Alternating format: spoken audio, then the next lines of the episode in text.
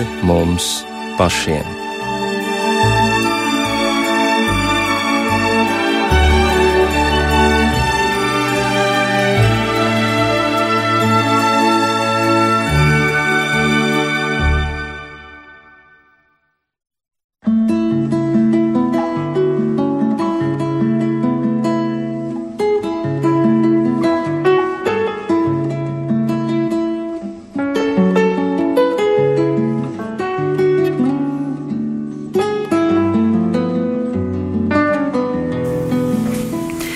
Esiet sveicināti rādījumā pāri mums pašiem, lai ir slavēts Jēzus Kristus.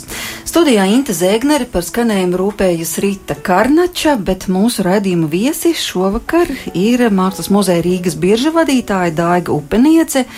Rīgas svētās trijādības pārdaugavas pareizticīgo baznīcas prāvests priesteris Jānis Dravans un divi viesi no Igaunijas - Orests un Andrejs Kormašovi.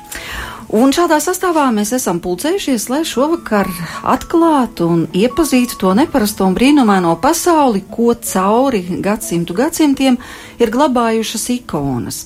No 20. jūlija tepat mums kaimiņos Rīgas biržā būs skatāma izstāde izglābtās ikonas kas ir atceļojušas pie mums no Igaunijas un ko Latvijā mēs redzēsim pirmoreiz. Unikāli darbi jau sākot no 15. gadsimta, plaša kolekcija, ko vārda vistiešākajā nozīmē ir izdevies izglābt un arī restaurēt māksliniekam Nikolajam Kormašovam, un tagad šis mantojums ir abu dēlu Oresta un Andreja rokās, un Eh, kas arī šo neparasto kolekciju ir atveduši uz Rīgu. Bet vispirms gribu vaicāt muzeja vadītājai Daigai Upeniecei, ar ko tad ir neparasta šī kolekcija un cik tā ir plaša, ko mēs redzēsim. Labvakar! Šī ir saturiski ļoti bagāta kolekcija ar ļoti īpašu un neparastu vēsturi. To ir veidojis Igauņu glaznotājs Nikolais Karmašovs, sākot jau ar 60. gadu vidu. Un man šeit ir divi citāti viņa, no viņa paša atmiņām, kas, es domāju, ļoti uh, precīzi ievedīs tajā pasaulē un parādīs, kāpēc izstāde saucas izglābtās ikonas, jā, un ko tas nozīmē, un, un kādā veidā ir šī kolekcija sākusi veidoties. Pirmais citāts man ir no 1965. gada, kad viņš ir braucis no Vologdas uz Kotlasu, kas ir Arhangeļskas apgabalā, un tālāk jau seko viņa teksts. Tālāk, tālāk no Kotlas uz Korso Borskai kādus 40 km ar kuģi levos leju pa Dvinu. Kuģis piestāja upes kreisajā krastā, te Dvinā ietecēja Uftjaga. Šķērstojām Dvinu un kopā ar vēl pāris cilvēkiem turpinājām ceļu gar Uftjagu. Nogājām 12 km līdz Serdovinai, kas ir apkārtējo ciematu centrs. Tā kā biju izsalcis, iegāju kādās mājās un palūdzu pienu un maizi. Laipnā saimniece mani pabaroja, un, kad uzzināja, kas man interesē, uzsūtīja savu meitu ņuru uz bēniņiem, lai viņi nonestu tur paglabātās nomelnējušās ikonas. Vēlāk tika atnests vēl divas, kas izrādījās piederīgas svētā Nikolaja ikonai no 16. gadsimta sākuma. Atradums mani tā iedvesmoja, ka nemanot veicu ceļu līdz nākamajai sāģē, kur atradu svētītāju Nikolaja ikonu ar dzīves aprakstu. No šīs apkājas es atvedu vēl ikonas Kristus kapā guldīšanu, debes braukšanu, svētais Vasīlijs, Jānis Zeltamute un daudzas citas. Ļoti interesanti, ka mēs paskatāmies tagad, kas to, to saturu kāds ir, kāds ir izstādē un paskatāmies, kādas tad ir tās svētā Nikolai brīnum darītā ikonas. Viena ļoti interesanti. Uh, saistīta tieši ar šo pienu, jo viņš jau iegāja tajā mājā, lai palūgtu vienu krūzīti pienu un maisu. Viena no tām četrām ikonām ir par Nikolaju, un viņa saucās atteikšanās no mātes piena gavēņa laikā. Tas ir viens no pirmajām, jā, kas, ar ko sākās šī kolekcija. Un otrs citāts varbūt ir skarbāks, kas varbūt pateiks tieši nu, to, to vārdu, jā, kāpēc ir izglābtās ikonas. Un tas savukārt ir saistīts ar Plaskaus apgabalu. Nikolais Aleksējus man aizved uz salu. Tur viņam dzīvoja tante ar vīru, vietējā zvejnieku kolhoza brigadieri. Baznīco, norobežojot lielu telpas laukumu, bija ierīkota tīklu glabātava un žāvētuma. Žāvētava atkritumi no telpas tika izvākti ārpusē, ieskaitot Jāņa zelta mutes ikonu, kura bija pārlausta un nomilnējusi. Logu ailis aizsedz lielās svētā Tesalonika Dēmetreja, svētītāja Gregorija un arceņģeļa Mihaela ikonas. Visa ikona virskārta bija atlupusi, no tā maskas bija palicis pāri. Pēc pāris gadiem brigadieris atsūtīja vēstuli, ka zem tīklu kaudzes viņi atraduši vēl vienu ikonu, lai braucot un paņemot. Tā bija svētīgais Gregorijas teologs. Tās ir Nikolai Karmušova atmiņas. Viņš bija mākslinieks un viņš bija arī restaurators. Un šī kolekcija, ko mēs ieraugām, ir visa viņa restaurēta. Ja varētu teikt, ka viņas ir atgriezušās dzīvē un kam nav lemts pazust, tas nepazudīs. Cik plaša vēl arī varbūt uzreiz mēs varētu noskaidrot, cik tad ikonas mēs redzēsim. Par dažām jums jūs tikko pastāstījāt, bet cik plaša būs šī ekspozīcija un kur tā būs? Tā būs pirmajā stāvā, lielajā zālē? Jā, tā būs lielā izstāžu zāle un tās būs aptuveni 140 ikonas. Tiešām ļoti liela kolekcija. Tātad no 15. gadsimta līdz, līdz 19. gadsimtam. Вы, наверное, только что слышали, что Дайга немножко Э, рассказала, как появились эти иконы в коллекции, но э, расскажите немножко об отце, почему ему, как художнику, представителю сурового стиля, вдруг понадобилось собирать иконы в такое время, которое было совсем небезопасно, 60-е годы. Tātad es vaicāju abiem Nikolai Kormašova dēliem, kāpēc 60. gados radās viņa tēvam, pazīstamam gleznotājam, skarbā stila pārstāvim, э, pēkšņi интересēties par? Э, отец, в общем-то, делал, э, что ему нравилось. И особенно ничего не боялся. Его первое впечатление в встрече вообще с искусством было именно с иконой. Его брала с собой бабушка в церковь, и там на, на руках, спиной к служению и глазами к задней стене, где открывался край, э, где была роспись э, страшного суда, и это поразило его. Эти черные, там, бесы, красные ангелы, и это все такая экспрессия, может, он поэтому и стал художником. То есть... Да, tā tad nekas īpaši, ka tēvs vienmēr darīja to, kas tēvam patika, bet pirmie iespējas saglabājušies no bērnības, kad vecamāma ņēma viņu līdzi uz baznīcu un vecamāma turēja viņu uz un dievkalpojums notika, bet viņš redzēja to otru pusi, un tur bija ikona ar tās pastarās tiesas atainojumu. Viņš tur redzēja šos melnos demonus un šīs arī sarkanās krāsas, un iespējams, ka tas bija tā viņa iespaidos, ka viņš pat nolēma kļūt par mākslinieku. Да. Ну, хорошо, это угу. было в детстве, это tas bija bērnībā, да. но потом, 60-е годы, tas потом, годы. Потом он пошел учился, получил очень хорошее академическое образование в Ивановском училище. Это ему помогло стать реставратором. Но в Эстонии в это время многие интересовались и собиранием, и не, ну, конечно, и в России. А поскольку Эстония была немножко в стороне, и э, такое ну, нишевое занятие собирать иконы православные. Там можно было придираться к лютеранской, к музыке придирались очень. Арво Перт поэтому mm-hmm. уехал. А это была такая ну, маленькая вещь, не, на этого не было специалиста просто. И поэтому он, ну, не было специалистов КГБ. Поэтому он занимался этим э, ну, довольно свободно. И логи, логисти, по логистике Эстония очень хорошо располагалась к Северной России, то есть очень близко через Ленинград прямо в Таллин. Nu, tā tad Nikolais Kormašovs devās studēt mākslu uz Igauniju, un viņš ieinteresējās par ikonām, un Igaunijā tieši pareizticīgo ikonas nebija KGB, jeb drošības dienesti īpašā uzmanības lokā, tā kā tā nebija visizplatītākā no konfesijām, vairāk pie, tā, pie luterāņiem pievērsās, un tā skaitā bija arī vajāšanas pret Arvo Pertu, kamdēļ arī viņš emigrēja no Igaunijas, bet eh, savukārt eh, tādējādi ir jāizsākās tā, tā ikonu interese un aizvien attīstījās. Но если мы говорим про путешествия и про то, как он и где он начал их собирать, tātad kur notika šo dārgumu meklēšana. Может, вы помните какие-то особые случаи? Дайга несколько уже упомянула. No, да.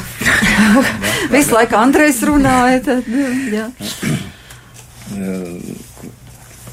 Все они были э, очень э, такие особые, особые случаи, потому что этот край был особый.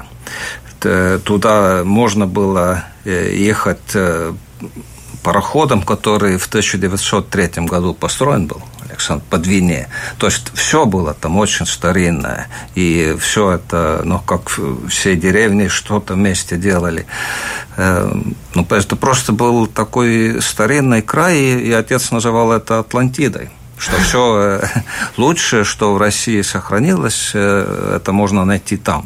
То есть Tam splašnoja. Jā, tā tad viss bija neparasti. Nācās doties uz turieni ar tvaikoni, kas bija ražots 1903. gadā, un tā bija tik neapgūta zeme, šī Ziemeļkrievija, ka tēvs pat viņu esot uh, saucis par Atlantīdu. Bet pats Andrejs taču devās līdzi šajās, nosauksim tā, ekspedīcijās. Вы ехали вместе с отцом? Да. У вас тоже приключения? Э, да, ну, Сами что, тоже что-то находили? Находил. И э,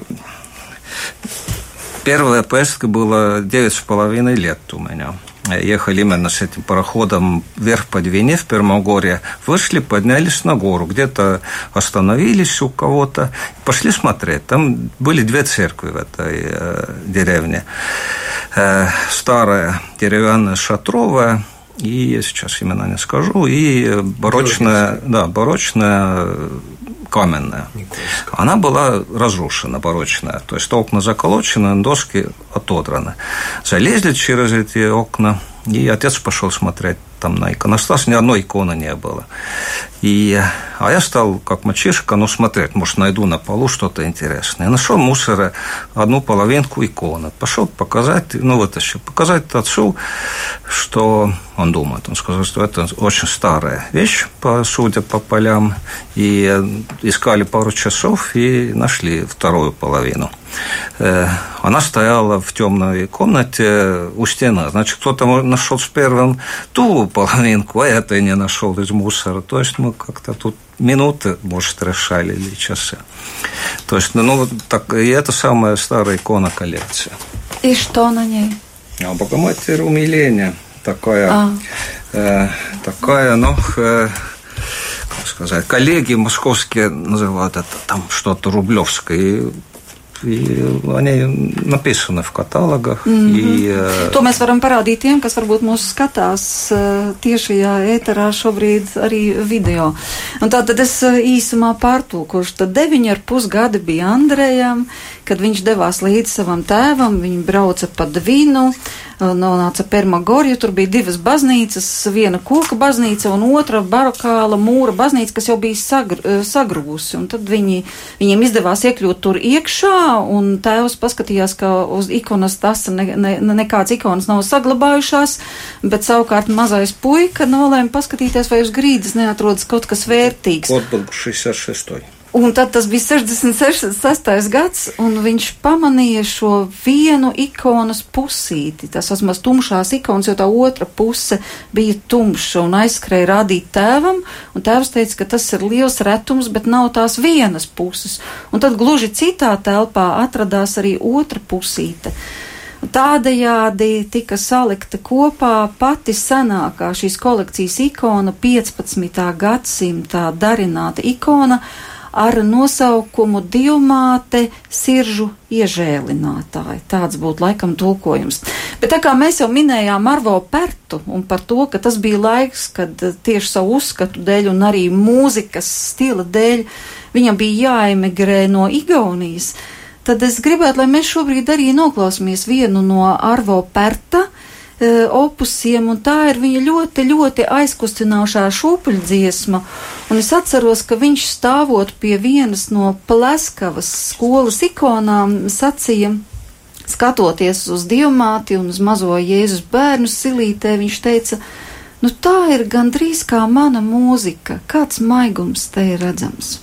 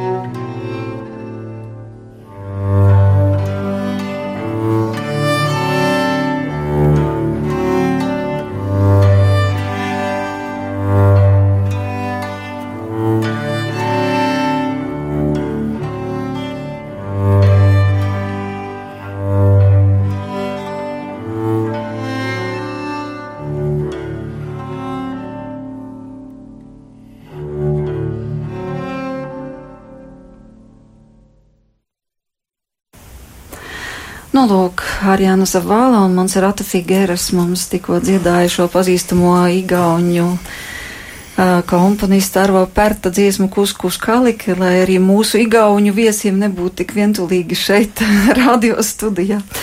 Bet uh, gribu vaicāt tēvam Jānim. Uh, kā jūs raksturotu tad īsti, kas ir ikona un kāda tā ir nozīme?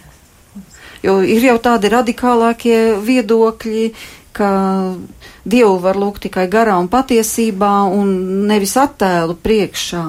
Bet jums ir šī gadu tūkstošu tradīcija, tad kāpēc viņi joprojām saglabājas un kāpēc jūs tik ļoti pie tā turaties? Kristietībā tradicionāli no iesākuma ir šī ikonu godināšana, ikonu rakstīšana. Ikonai ir sava ļoti svarīgā vieta dievnamā, kristiešu mājās. Tā ir tā lūkšanu, lūkšanu tās centrs, lūkšanu vietas centrs. Un, uh, šis grieķu vārds, ikona, šie tulkojumā, no Latvijas mēs tulkot, tas būtu tēls, jā, šī, šis tēls, ka mēs attēlojam to dievišķo, ko mēs varam attēlot. Būtībā ikonu atnesa uh, dievu vārdu iemiesošanās, Kristus uh, iemiesošanās, viņa piedzimšana, nu, protams, viņa jau dzīve dzīve pieaugušajā vecumā, īpaši no šiem 30 gadiem, kad viņš nāk pasaulē un saka, ka, un apliecina, ka viņš ir pasaules pestītājs, un viņam mirstot, atdodot savu cilvēcisko dzīvību par, par pasaules, par, visas, par cilvēces un katra cilvēka pestīšanu, un pēc tam augšām ceļoties un paceļoties uh, debesīs, aizejot uz dieva troņa ar šo pieņemto cilvēcisko dabu, cietušo un augšām celto, šo pilnīgo darīto, viņš, nu tad viņš vairs nav klāt, tad viņš klātesošs cilvēcei ir tajā mazā vēsturiskajā brīdī ļoti mazai ierobežotai cilvēku grupai.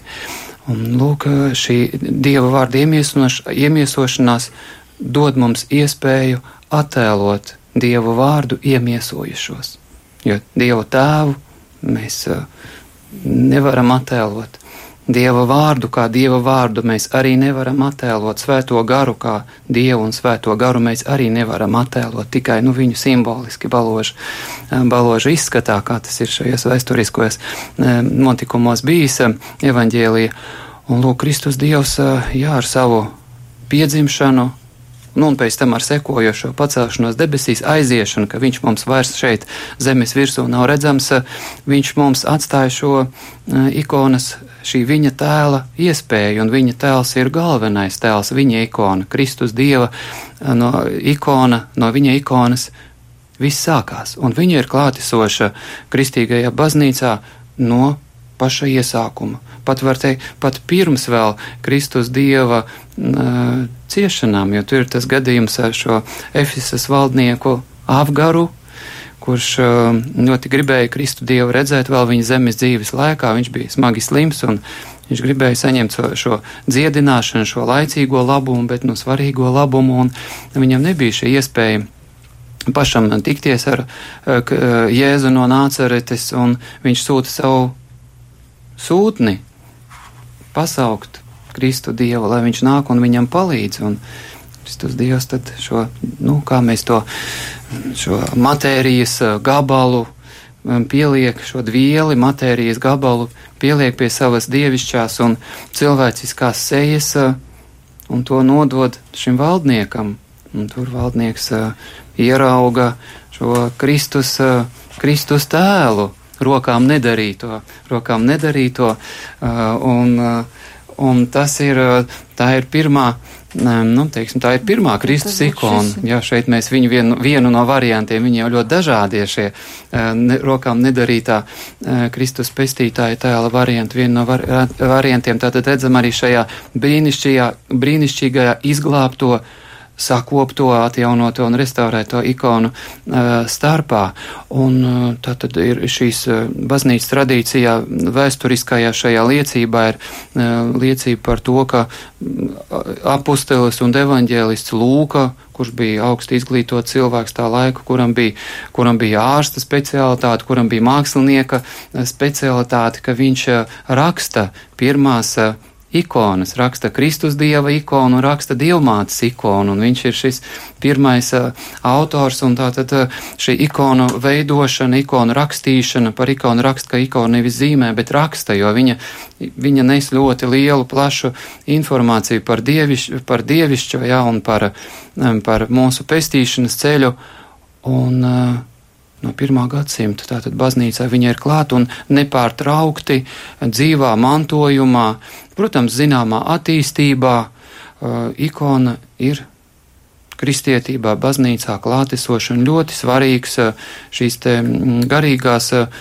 mm, dievkalpošanas, lūkšanu, baznīcas dzīves uh, piederums kurš mūs, kurš mūs saista, kurš mūs saista ar, ar dievišķo, kurš mums atgādina par, par Dievu, atgādina par viņa labdarīšanām mums, atgādina mūsu pienākumus, mūsu atbildību Dieva kunga priekšā, nu un tad arī nākošajā pakāpē attiecībā pret dievmāti un svētajiem, bet nu šeit ir būtiska atšķirība, vienmēr ir būtiska atšķirība starp uh, Dieva kunga ikonu, tēlu un jau tad ar Dievmātes tēls, svēto eņģeļu tēli un svēto tēli. Viņi, protams, ir e, citādākā līmenī, jo kā dievu kungu mēs jau pagodinām tikai pašu.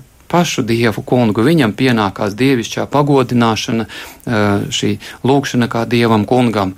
Nu, un tad jau dievmātei, kā dievmātei, kā augstākajai par visiem eņģeļiem un par visiem svētajiem, viņai Pie viņas mēs vēršamies šajā lūkšanā, svētā valdniece, Dieva dzemdētāja glāb mūs, palīdzi mums. Un tad viņa, viņa ar savu lielo svētību eh, palīdz mums un, un Dievam un, un lūdz savam dēlam, Dievam, lai viņš palīdz tur, kur varbūt ir vajadzīga nu, viņa paša jau personīgā šī palīdzība. Un savukārt svēto ikonas mums atgādina par šo īsteno labāko kristiešu dzīvi, varoņdarbu un to, ka viņi ir sasnieguši šo uzdoto mums iespēju pietuvoties Dievam, šo dievišķošanās pie, iespēju, šo pestīšanas iespēju, ka viņi to ir droši sasnieguši un viņi ir iemantojuši debesu valstību un viņiem ir drošība Dieva kunga priekšā, ka viņi pat paši var zināmā mērā mums palīdzēt, bet uh, ierobežotā mērā. Un tad, kad to, ko viņi paši nevar personīgi, viņi griežās pie Dieva kunga tur, Dieva valstībā, un no viņa saņemam šo palīdzību, šo svētību, uh, kas mums ir nepieciešama mūsu zemes dzīvošanā. Tā, tā ir tāda ļoti, ļoti svarīgs moments, kas atdzīvina, nostiprina mūsu kristīgo dzīvi. Tā tad baznīcā ir klātesoša vesela debesu ģimene, ja tā varētu sacīt. Jā, nu, ikonogrāfija ataino, um, cik tas ir iespējams, uh, debesu valstību, uh, ataino arī svētos, jūs teicāt svētos mocekļus. Jā, pašu dievu kungu, mm. debesu valstību, dievmāti, svētos eņģeļus, svētos, un, kā jau bija minēts, ataino arī briesmīgo tiesu, tur ir elle, tur ir sātans, tur ir tā briesmīgā čūska, tur ir tā briesmīga augstuma vieta, tur ir tā karstā vieta, ja tur ir tā to moku vietu. Tā tad arī, nu, redziet, tā gan tā īsti tā kā ikona, tā ir vairāk tā kā glezniecība, kā bija teikts, briesmīgā tiesa atrodas nevis lūkšanu virzienā, bet pretējā virzienā, uz, uz izējot no dievnam ārā. Tā tad arī ir svarīgi, kurā konkrētā vietā ikona atrodas. Viņas ne, ne, nesaliek katrs Protams, kā iedomājās. Jā, tradīcija tā ir nostiprinājusies tā, lai viņi atbild, lai pēc iespējas labāka un patiesāk atbilstu debesu dieva valstības uh, nu, šai kārtībai un patiesībai. Un starp citu, mēs šodien uh, svinam un uh, kalpojam mūsu Latvijas svētmocekļa, lielā svētmocekļa arhibīskapa Jāņa Pomera piemiņas dienu, viņa uh, svēto relikviju iegūšanas dienu, un tas no viņa svētās relikvijas atdusās uh, Kristus piedzimšanas katedrāle, un starp citu tieši tur ir šī pati briesmīgās tiesas, ja, uh, tas, nu, teiksim, tā ikona ar Kristu Dievu spēkos vidū un svētajiem eņģeļiem un to elli, arī izējot no dievnama. Mūsu katedrālē ir tā pati jau minētā, minētā nu, ikona un šī baznīcas glezniecība. Un tā tad arī sakarā ar mūsu svēto, eh, svēto Jāni. Eh, viņa ikonas arī tiek rakstītas, un viņa svētās relikvijas. Relikviju pagodināšana kristietībā ir cieši saistīta arī dzen ar ikonogrāfiju, bet nu, tas ir drusku specifisks eh, jautājums. Un, tā tad arī, arī svētajam Jānim ir eh, zīmētas ikonas, ikonu ir daudz. Un, un viņu priekšā un svēto relikviju priekšā mēs lūdzamies, pagodinam, pieminam, atceramies šo mūsu svēto kristiešu un arī svētā Jāņa šo garīgo darbu un varoņdarbu un uzvaru. Tātad ikonas var palīdzēt arī gluži nejaušā veidā. Nu, piemēram, kāds turists uh, izvēlas kā apskates objektu katedrāli, viņš iet katedrālē, paskatīties, ah, ko nu es te redzēšu, un pēkšņi ierauga šo dieva tiesu, un kas zina? Varbūt viņam tas liek domāt vienreiz, otrais un trešo reizi, un caur šo ikonu Dievs viņam ir palīdzējis atgriezties un sakārtot savu dzīvi. Bet kāda ir mūsu nepareiza attieksme pret ikonām? Kas ir nepareizi? Jo varbūt mēs kaut kā interpretējam, kā katram mums ienāk prātā. Nu, ir dzirdēt arī padomi no aizēja uz baznīcu noliec svecīti nu, tur vai tur, nu, lai, lai, lai kaut ko izlūgtu. Mēs kaut ko darām nepareizi. Mm. Nu, š, um, mēs nedrīkstam, nu, vispār jau nav cilvēkam pareizi un nav cilvēka cienīgi būt uh, absolūtam vai tuvu absolūtam patērētājam. Kad mēs meklējam tikai Bet savu, ne... tikai konkrētu labumu, un mums neinteresē tā mūsu kopējā ļoti dziļā uh, ontoloģiskā, tā cilvēciskā, uh, cilvēciskās, um, cilvēciskā aicinājuma un cilvēciskās būtības uh, nozīme, jo cilvēku jau Dievs, cilvēku, mums katram Dievs, tātad ir Dievs, un Viņš mums dod dzīvību, un Viņš jau mums šo dzīvību dod mūžībai un dod, lai mēs atrastu mūžībā vietu, bet mūžība pieder Dievam kungam ar viņa likumiem un viņa tā, nu, ar viņa svētumu un taisnumu, un tā tad mums, nu, vai nu mēs to gribam vai negribam, mums kaut kā ir jāpakļaujās, jāpieskaņojas, lai mēs tur atrastu vietu, lai mūsu dzīve nepaietu kaut kādās lietās mazvērtīgās, kura, nu, šodien ir, un nezinām, vai rītdien būs, un vēl jau, un, un bieži vien zinām, ka par tādām lietām, nu, pēc tam mums nekāda uzslava mūžībā nebūs, ka varbūt tieši otrādīgi. Nu, kas pareizāk nevar būt, bet skaidri zinām, ka pa, no, pa, par mūsu uh, grēkiem, nu, pienākās uh, ne jau kaut kas labs. Nu, jā, bet cilvēki tomēr iet pie ikonām, viņu lūdz un viņi saņem palīdzību. Jā, tas Tā, ir, tas nu, ir kā? brīnumaini, ka ka mm, tādu, ja mēs pat minam nu, no svētajiem, ja mēs uh, nosauksim svētītāju Nikolaju brīnumdarītāju, tad to zina visa pasaule un to zina laikam visas reliģijas. Un svētītājs Nikolais tiešām ir tas ātrais palīdzētājs, bet kāpēc tāds? Viņš tā bija pieradis dzīvē. Savā zemes dzīves visā laikā viņš bija pieredzējis, ja kādam ir vajadzīga palīdzība, viņš darīja visu, aizmirstot savu Viņš darīja visu, lai tam cilvēkam palīdzētu. Nu, liek, viņš, bija tā attīstījis šo spēju, ka viņam tā spēja jau tādā hiperboliskā veidā ir pēc viņa aiziešanas no zemes dzīves. Ka visi iet, palūdz, un viņš piepilda. Jā, tāpat kā Svētais Pančeļamons, kurš bija ārsts un arī moceklis, tāpat piepildīja savu misiju līdz galam, un tieši šīs ikonas priekšā uh, bieži vien cilvēki lūdz par savām veselības lietām. Jā, un no nu, šis moments, ka, jā, ka neierob, neie, neierobežot šo cilvēka augsto aicinājumu mums katram, ka nu, nemeklēt tikai to mazo labumiņu, bet skatīties arī tālāk, atrast uh, savā dzīvē uh, šo te nu, piepildīt šo nepieciešamību, pašu dievu kungu godāt, gan ar ticību, gan ar uzticību viņam.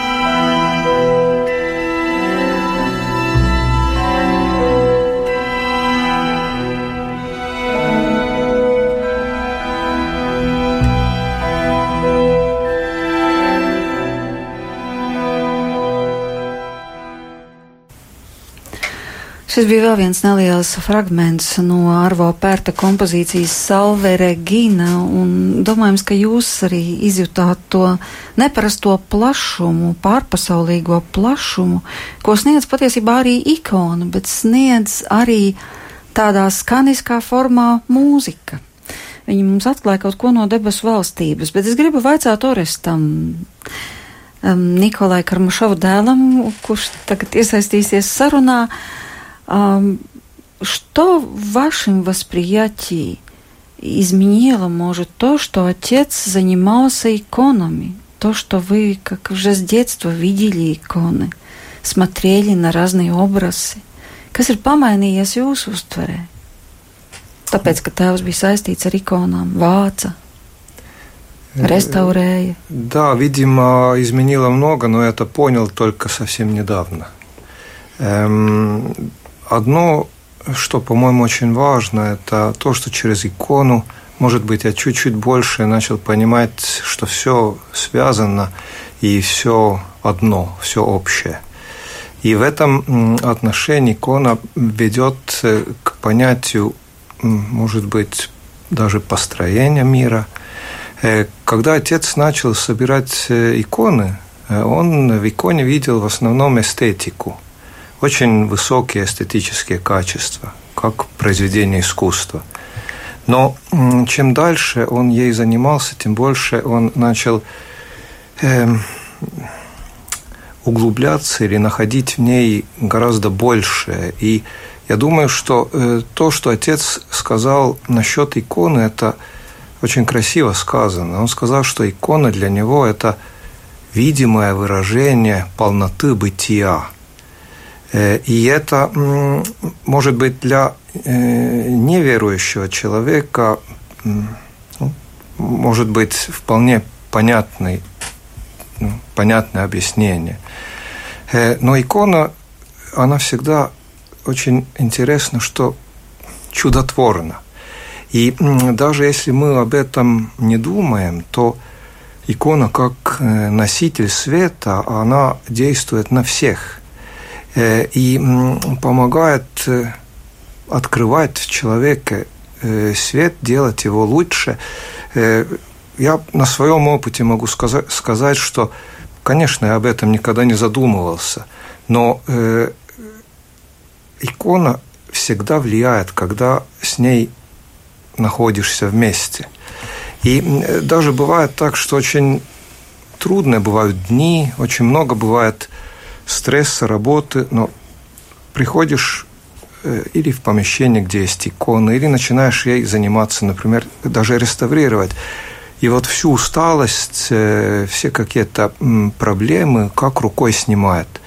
И отец всегда говорит, что икона – это – Э, создана для тишины, для тишины моления, чтобы перед ней было легко молиться. И вот это, видимо, и самая главная функция иконы, что она создает покой и как-то оставляет за порогом вот весь этот такой суетный мир.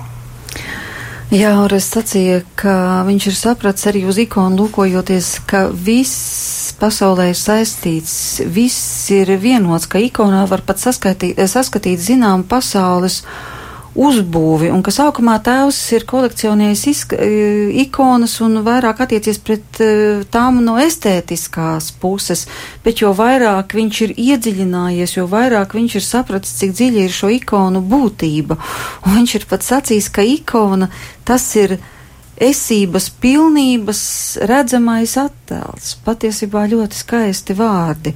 Un ka pats Ores tikko sacīja, ka ikonas vispār ir brīnumdarītājas, ka viņas ir kā gaismas nesējas, ka viņas iedarbojas un dara cilvēkus labākus, un ka pat viņam pašam ir bijis tā, ka, kad ir kādi grūti brīži vai stress, un ka tu ienāc tāpā, kur ir ikona, vai arī sāc ikonu restaurēt, tad šis stress pazūd Un viņa tēvs atgādināja, ka ikona ir radīta lūkšanai klusumā, nu, jo tāpēc, ka tā, tā ir eh, sazināšanās ar Dievu.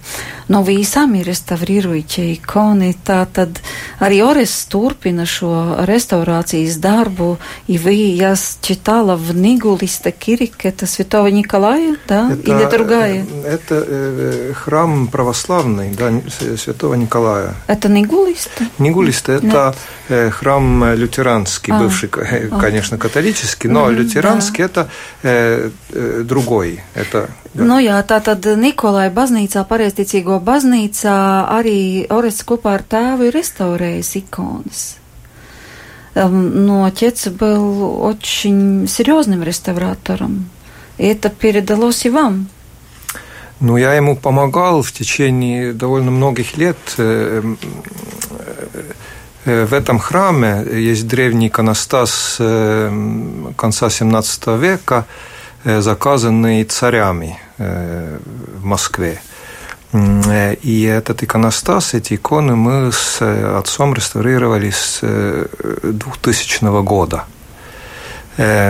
И когда отец из этого мира ушел в 2012 году, я эту работу ну, в принципе, продолжил и завершил в 2017 году, так что этот иконостас открылся, видимо, впервые после ну, сотни лет, как самое малое, в своем, можно сказать, первозданном красочном таком обряде или наряде, что это, этот иконостас очень торжественный, очень красивый. Да, я отцу помогал, и после, ну, можно сказать, что его работу как-то перенял.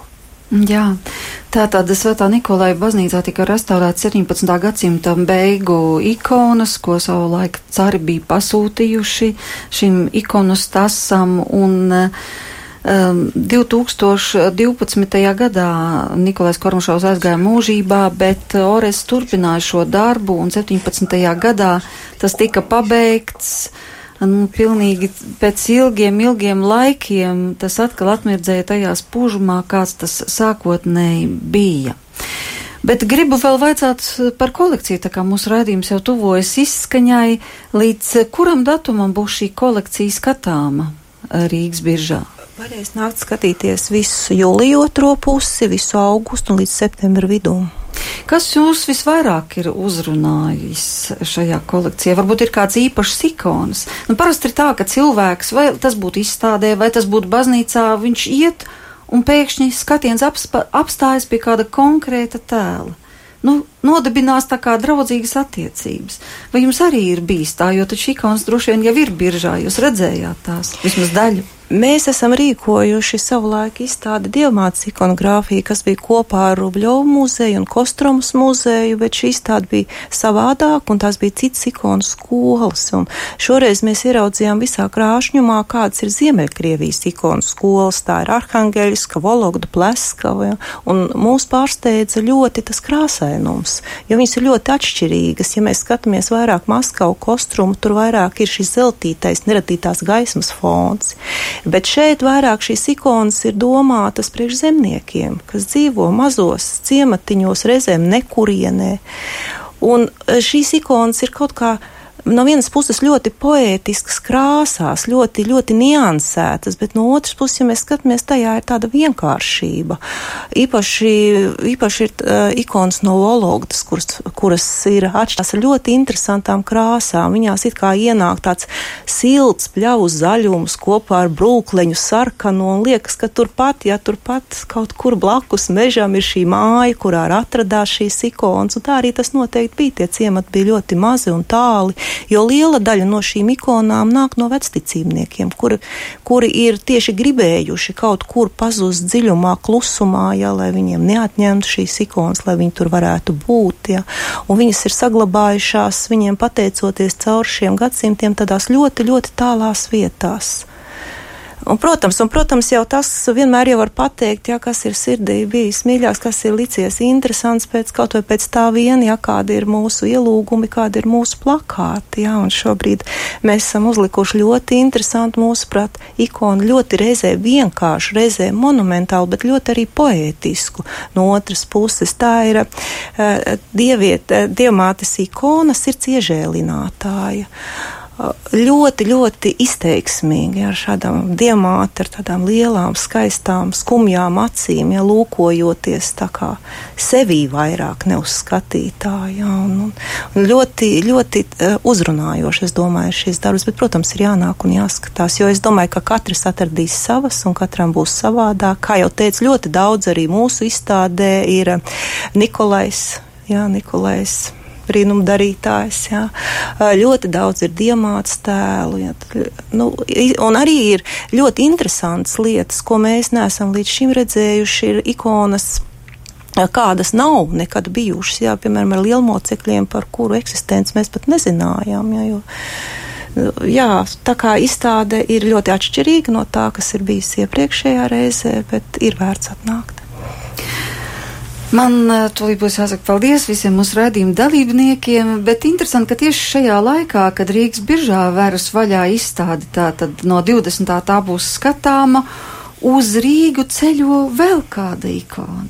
Un tā nebūs skatāma Rīgas biržā, bet tā būs skatāma Dionamā. Ja šī mūsu Latvijas tāds svētums, Jākapštates, tā saucamā Jākapštates diamāts ikona, 17. gadsimta ikona, kura grūtajā ikonas no īpaši 8. gadsimtā un vēlāk ir ikonas, ikonu godināšana, ikonu godinātāji ir tikuši ļoti nežēlīgi vajāti, un tāds pats vajāšana gadsimts, kāpēc arī viņas ir jāglābi, un kāpēc šie brīnišķīgie cilvēki šo darbu ir veikuši, šis vajāšanu laiks, un vajāšana gadsimtā pazūd arī šis mūsu Latvijas svētums, šī Jakobštates dievmāts ikona pazūd, un viņa tiek atjaunota, nu, viņu neatrod. Viņa ir tā, kuru neizdodas izglābt. Viņa tad ir otrs variants, ir jāraksta par jā, pa jaunu. Un to mūsu metropolīts Aleksandrs viņa pūlēm ir darīta, rakstīta šī jauna, jaunā Jakobštatas dievmātes ikona 2018. 8. gadā viņa ierodās Rīgā, atrod savu vietu Jēkabpilī klosterī, un tagad 20. 22. jūlijā viņa ierodās eh, Rīgā eh, Kristus piedzimšanas katedrālē un mūsu metropolīta Aleksandra Hirotonijas jubilēju, 30 gadu jubilēju, un būs visiem pieejama, un, un viņas priekšā mēs varēsim pagodināt Kristu Dievu, pašu Dievmāti un būt šajā logā uz, uz mūžību, uz Dieva pasauli, eh, kas, kas ir svētā ikona. Vai var sacīt, ka šī ikona ir īpaši brīnumdarītā ikona, vai arī visas kaut kādā Redziet, mērā kā tādas ir? Ikonu glābēji speciālisti apliecināja, ka, ka katra ikona ir brīnumdaroša, bet šī ikona jau kopš iesvētīšanas, tātad iesvētīšanas dienā šī ikona no viņas izdalījās svētās mieras, šī eļveidīgā neradītā viela, kas nāk no, no ikonas, no šī materiāla, uh, ar, ar savu smaržu, ar savu svētību, ar savu iesvētīšanu un savu brīnumu darošo spēku. Tā kad jā, mēs arī šīs ikonas priekšā varam izlūgt Dievam kungam un Dievmātei to, kas mums ir vajadzīgs, ko mēs paši nevaram. Gan garīgajā ziņā, gan arī mūsu dzīves tajā materiālajā ritumā. Cik brīnumaina pasaule tomēr ir mums apkārt, un cik labi, ka mēs to varam iepazīt. Varēsim iepazīt gan Rīgas biržā nākošu nedēļu, gan arī, protams, Kristus piedzimšanas katedrālē 22. jūlijā šī Jakobštāts ikona būs skatāma. Bet paldies gan par piedalīšanos raidījumā, eh, gan par to, ka šāda kolekcija ir savākta, saglabāta un turpina doties pie cilvēkiem. Es saku brāļiem Kormašoviem, Orestam un Andrejam. Paldies par piedalīšanos, saku Mākslas muzeja Rīgas bieža vadītājai Daigai Upeniecei. un Rīgas Svētās trijādības pārdaugavas pareisticīgo baznīcas prāvestam priesterim Jānim Dravantam. Vienkārši Vienkārši priesterim tā, tās Jānis mani palabo.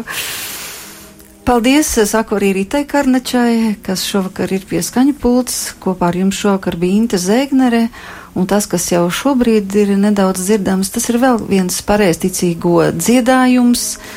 Tas nāk no Grūzijas, bet ar ļoti skaistiem vārdiem par to, kas ir dzīves centrā. Un Jēzus saka, es esmu īstais vīna koks.